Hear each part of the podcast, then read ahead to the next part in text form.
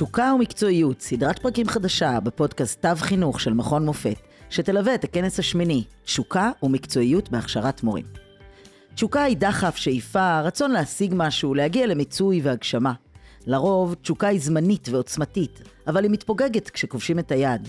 לעומת זאת, מקצועיות היא כבר הרבה יותר עקבית, והיא היכולת לפתח מומחיות מתוך ניסיון, עם מחקר ועם אורך רוח. אז איך משלבים בין השניים? וכיצד מחברים בין תשוקה למקצועיות? ולמה כל כך חשוב ליצור התחדשות לצד מעקב, המצאה לצד מחקר, הרפתקאות חינוכיות לצד הערכה מתמדת. על כל אלו ועוד נשוחח בפרקים הבאים, בהם נארח מרצים, חוקרים, אנשי חינוך מנוסים מן הארץ והעולם, שהשקיעו תשוקה ומקצועיות במחקר, בעשייה חינוכית, פרצו את גבולות הידע והרחיבו את המחשבה בתחומי חינוך, הכשרה ופיתוח מקצועי. נצא לדרך.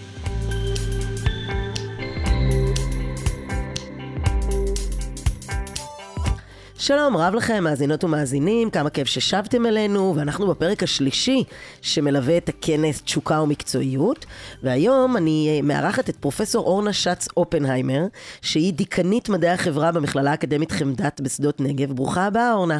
שלום, שלום. טוב שבאת אלינו. והיום את אה, הולכת לספר לנו על אה, הוראה חוצת תרבות. מורים יהודים שמלמדים בחברה הערבית, מורים ערבים שמלמדים בחברה היהודית, ועל מחקרים שערכת בנושא. אה, תודה רבה שהגעת. תודה, תודה גם לכם. אז תספרי לנו מה זה. מה זה הוראה חוצת תרבות? על מה מדובר? הוראה חוצת תרבות היא נפוצה היום בעולם הרחב, כשאנשים מתרבות אחת, מתרבות האם שלהם, עוברים ללמד בתרבות אחרת. בארץ אנחנו יכולים לראות את זה, אה, שמורים מהתרבות הערבית, מהחברה הערבית, עוברים ללמד בבתי ספר יהודיים, והפוך, מורים שהם באים מהחברה הישראלית היהודית, עוברים ללמד בבתי ספר מהחברה הערבית. המחקר המשותף שאני עושה הוא עם דוקטור דליה עמנואל ועם uh, דוקטור וורד ג'ויסי, שהן שתיהן חוקרות מבית ברל, ושיתוף הפעולה בינינו נוצר במכון לחיים משותפים, שגם הוא נמצא בבית ברל. כשאנחנו מבקשים להבין את המניעים של מורים שמלמדים בהוראה חוצת תרבות, אנחנו רוצים להבין את האפיונים שלהם, אנחנו רוצים להבין עם מה הם מתמודדים במהלך ההוראה שלהם, ואיזה אופק התפתחותי בעצם גם יש גם להם באופן אישי, אבל גם לכל הנושא הזה של הוראה חוצת תרבות. חשוב אולי להבין שכאן בארץ, הוראה חוצת תרבות היא ממש חדשנית, מפני שהמערכת החינוכית שלנו בנויה על סגרגציה. על זה שיש לנו זרמים בחינוך, יש לנו חינוך חילוני, חינוך דתי, חינוך חרדי, חינוך ערבי, וכשחוצים את הגבולות האלה של uh, המסלולים המובנים מראש, זה הופך את זה להוראה חוצת תרבות. תגידי, על כמה, על כמה אנשים אנחנו מדברים, פלוס מינוס? מה, מה סדר גודל התופעה? כרגע התופעה היא לא מאוד גדולה. אה, אין אה, נתונים מאוד מדויקים במשרד החינוך, אבל אה, אנחנו מדברים כנראה על 1,400 מורים בערך. יש יותר מורים מהחברה הערבית שמלמדים בבתי ספר יהודיים, במיוחד מקצועות כמו מתמטיקה, אנגלית, מדעים, אלה מקצועות שגם יש בהם חסר. ומקצוע, ובחברה יהודית יש uh, בסך הכל, uh, מה שאנחנו כרגע עסקנו בזה, בערך בסביבות 200 מורים, והם מלמדים הרבה פעמים בעיקר עברית. Uh, בגלל שהם באים עם שפה, אז mm-hmm. הם מלמדים הרבה פעמים עברית, וגם לא תמיד מלמדים כחלק מהמערך הבית-ספרי. הם באים עם, מתוך עמותות שבתי ספר ערביים מעודדים להגיע עמותות כדי ללמד שפה עברית, כדי שהחברה הערבית תוכל להשתלב טוב בארץ. הזכרת משהו אה, אה, מעניין, אני רציתי רגע שתרחיבי עליו. אה, דיברת על, על האופק פיתוח קריירה, זאת אומרת, אחת ה... אה, את יודעת, הרבה מורות הן אה, מתחילות כמורות, ואז הן הופכות להיות רכזות שכבה, ורכזות טיולים, וסגניות, ומגיעות לניהול, ואולי אפילו מדריכה מחוזית. אז, אז תגידי לי רגע, איזה... יש כאן מסלול אחר? זאת אומרת, כאן יש איזשהו אופק אחר שאת מדברת עליו? מה שמעניין שמצאנו במחקר שלנו, זה ש... המורים שבאים מהחברה הערבית, אה, יותר אה, מלמדים מקצועות אה, חשובים, כמו מתמטיקה, אנגלית, שזה מקצוע שנחשב למקצוע חשוב בעיני ההורים, בעיני בתי ספר, בעיני תלמידים גם, אבל בה בעת הם לא הופכים להיות למחנכי כיתות. מתוך ה-18 אנשים שאנחנו ראיינו, אחת הייתה מחנכת כיתה. חלק מהבעיה היא שיש להם בעיות גם, לא בעיות, אבל יש להם קשיים בשלבים הראשונים בתחום השפה. בשני הצדדים, כלומר, גם היהודים מדברים פחות טוב ערבית, וגם הערבים מדברים פחות טוב עברית, ולא תמיד אפשר אה, לתת להם את אה, מקום העבודה הטוב שהם יכולים לקבל, בגלל שיש להם קשיי שפה. אבל אנחנו יודעים שככל שהמורים האלה משתרשים בתוך בית הספר, הם הופכים להיות uh, מורים עם שפה דבורה, מצוינת, כמו כולם. תגידי, אולי, אולי זה כאילו נשמע קצת טריוויאלי, אבל, אבל למה אנחנו צריכים את זה? זאת אומרת, זה הפתרון שאת uh, מציעה לנו, אתן, uh, את והחוקרות השותפות שלך, זה מה שאתן מציעות לנו לפתרון עם מחסור מורים? מה, מה, למה אנחנו צריכים את הערבוב הזה? בשביל מה זה טוב לנו? טוב, אז יש פה שני חלקים. אה, מצאנו במחקר שלנו שהמורים שבאים מהתרבות הערבית, ברובם, לא כולם, אבל ברובם, באים כי יש חסר של מורים. הם באמת אה, ממלאים את המקצועות שחסרים. זאת אומרת, בחברה היהודית חסרים מורים, ואז נעזרים במורים מהחברה הערבית. לזה את מתכוונת? נכון, ולא רק זה. יש כאן עוד תופעה מאוד מאוד אה, אה, נפוצה, בחברה הערבית יש הרבה מאוד מורים, יש מה שנקרא עודפי הכשרה. אה, הם לא מצליחים להשיג עבודה בחברה שלהם, בבתי ספר הערביים, ואז הם מנסים ללכת במקום שיש, וזה הרבה פעמים בתי ספר יהודיים. זה ערוץ אחד של אה, מענה להוראה חוצת תרבות. מענה שני מצאנו, אה, דווקא בחברה היהודית, ששם הם, אה, הרבה מהמורים דיברו על תחושת שליחות, שהם באים ללמד כי הם רוצים ליצור אינטגרציה בחברה הישראלית, רוצים לחשוף את, החבר, את החברה הערבית גם לחלקים היהודיים שבה, לאפשר להם להגיע לתעסוקה טובה וכולי. כלומר, אנחנו קראנו לזה תחושת שליחות שמניעה את המורים היהודיים יותר מאשר מצאנו את הדברים האלה בקרב החברה הערבית. כלומר, יש פה שיקולים פרקטיים ויש פה שיקולים אידאיים. נהדר. אמ, זה, זה, זה מאפיין אזורים שונים בארץ ישראל, או שאת יכולה, לה... זה, זה יותר נפוץ בצפון, יותר בדרום, במרכז? כן. אה, קודם כל, זה תופעה בכל הארץ, אבל אה, אה, כן, באזור של הפזורה הבדואית חסרים מורים, ואפשר לראות את הכניסה הזאת של אה, מורים מהחברה היהודית לפזורה הבדואית. זה לא פשוט, כי יש אה, מורכבות.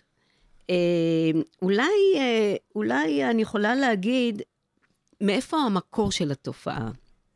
כלומר, איך אנחנו למדנו איך אספנו את התופעה, וזה קצת קשור גם לעניין הזה של ה... פשן אה, במחקר. אה, אני מנהלת הרבה שנים תחרות של סיפורים למורים מתחילים. הם יכולים לכתוב את הסיפור שלהם, ואז כשאני קוראת את הסיפורים, לפתע מצאתי מספר סיפורים שעוסקים בתחושה, במורים, שהם מה שנקרא, מה שקראנו לתופעה חוצת תרבות. כלומר, קראנו סיפור, קראתי סיפור של מורה שבאה מהחברה היהודית, וקראתי סיפור שמורה באה מהחברה הערבית, וראיתי שיש דמיון מדהים ביניהם.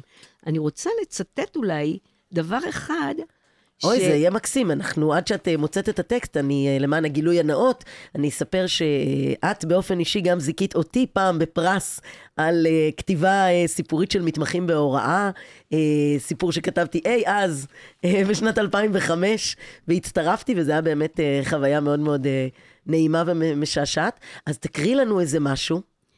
בסיפור גילינו שני סיפורים שיש בהם אלמנטים מאוד מאוד דומים, למרות שהאחד סיפור מהחברה היהודית והאחר סיפור מהחברה הערבית.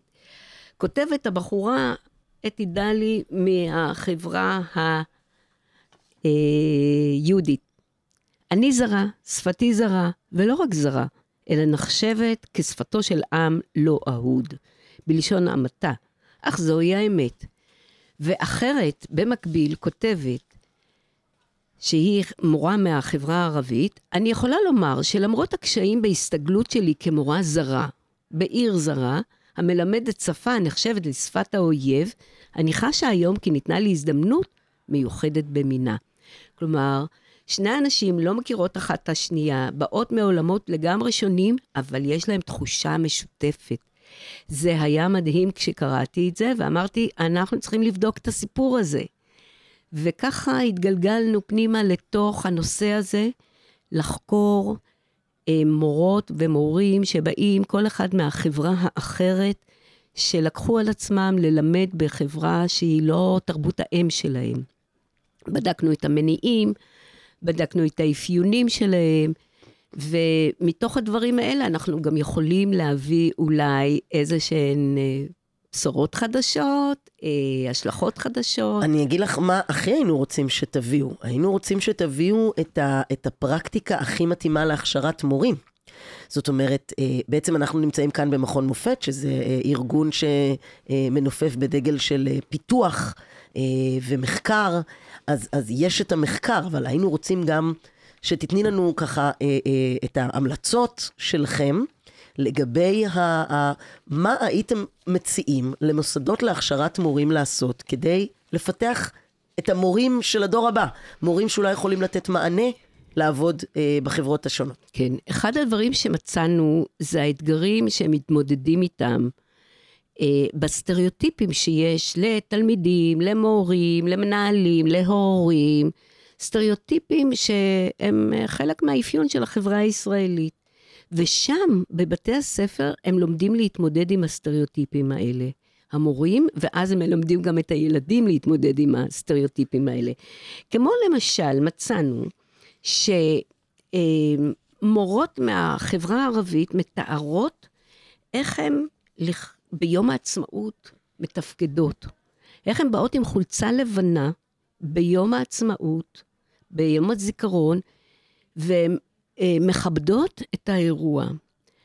במקביל, מצאנו את המורות היהודיות מתארות שבתקופת הרמדאן הם מגיעים בלי אוכל לבית ספר, הם מתחשבים בסיטואציה שהם נמצאים בה. כלומר, אנחנו מצאנו שיש סיפורים שמתארים את הכבוד ההדדי שהם רוכשים אלה לאלה. זה לא אומר שאין בעיות.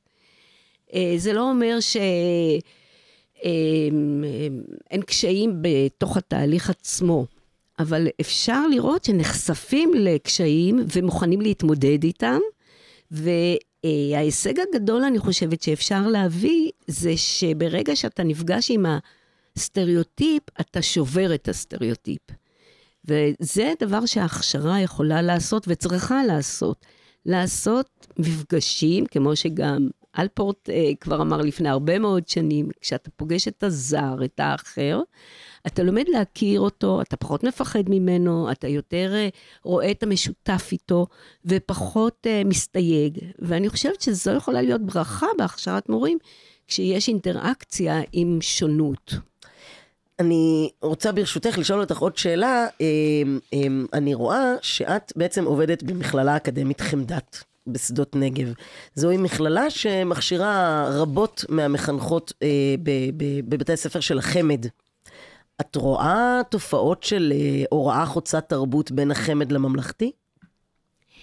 בין החמ"ד לממלכתי קיים גם קשרים יותר, אה, הייתי אומרת, זה יותר רווח, אבל מה שמעניין זה שבין החמ"ד לחרדים יש היום יותר יחסי גומלין.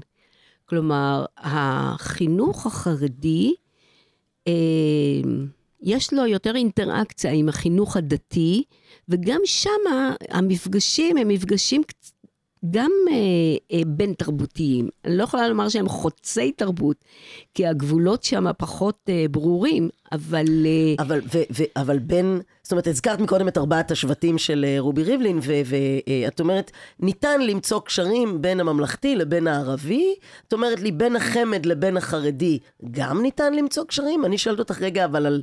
שתי הזרועות השונות.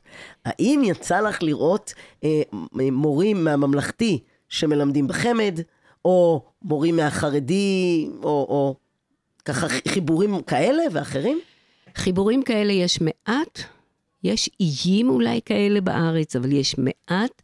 הייתה לנו מורה אחת, שהיא באה מהתרבות היהודית, שהיא הייתה דתייה, והיא הלכה עם כיסוי ראש, והיא נכנסה לבית ספר ערבי.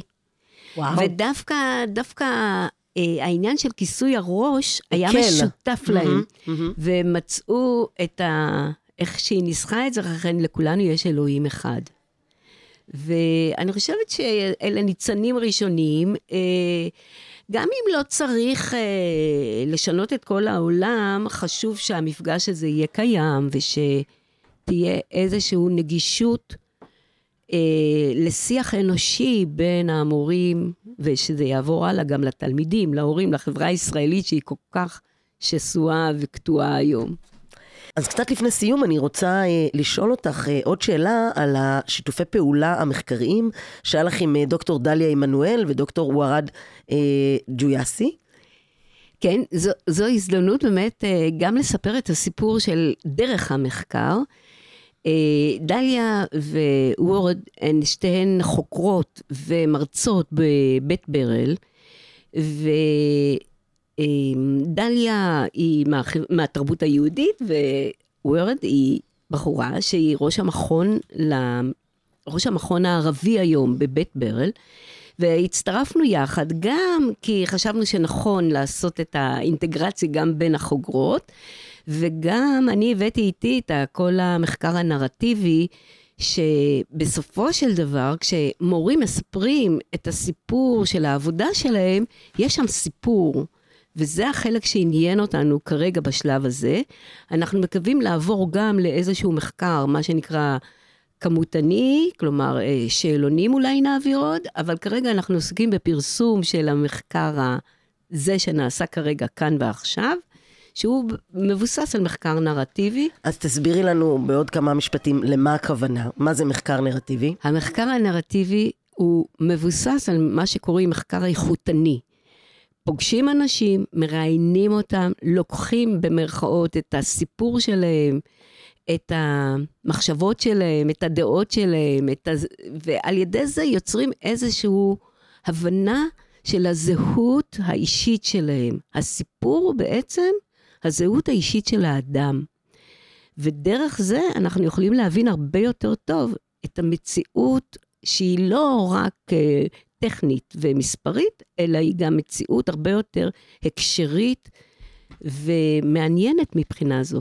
תודה רבה רבה לך, פרופסור אורנה שץ אה, אופנהיימר. אה, בהחלט שיתפנו, שיתפת אותנו ב, במקור התחושה שלך, ודווקא, את יודעת, מחקרים הכי מעניינים נולדים אה, לאו דווקא מהדברים, אה, מהדרכים הרגילות והמקובלות, וזו באמת דרך מאוד מעניינת אה, שהגעת לנושא, אז תודה גם על זה.